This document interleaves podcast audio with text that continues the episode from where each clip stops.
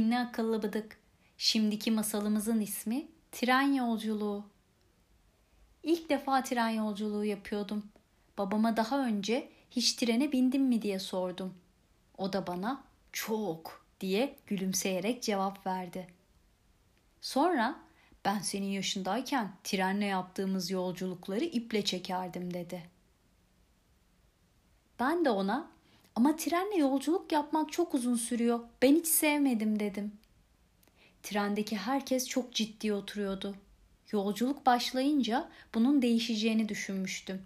Fakat öyle olmadı. Yolcuların hiçbiri gülümsemiyordu.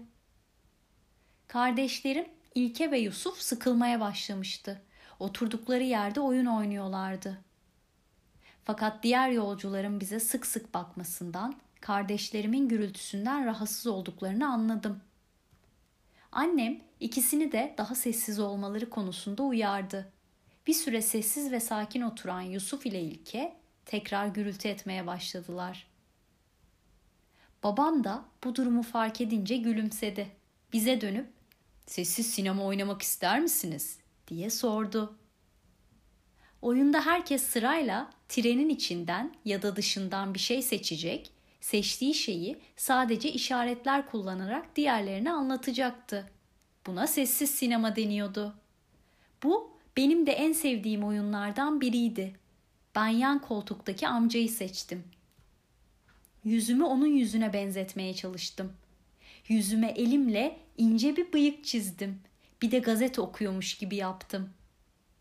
İlke hemen kim olduğunu anladı. Sıra İlke'ye gelince o da yol boyunca gördüğümüz elektrik tellerine konan kuşları taklit etti.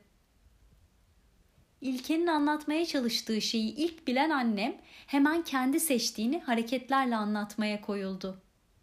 Bir süre sonra diğer yolcular bizi izlemeye başlamıştı. Oyunumuza katılmak isteyen ilk kişi yan koltuktaki amca oldu. Sonra çevremizdeki herkes oyuna katıldı. Kardeşlerimin sıkıntısı bir küçük oyunla ortadan kalkmış, yanımızda oturan yolcular da eğlencemize katılmıştı. Trende gideceğimiz yere sanki çabucak vardı. Bugünkü masalımız bu kadardı. Sen de ailenle ya da arkadaşlarınla keyifli vakit geçirmek için sessiz sinema oynamayı deneyebilirsin.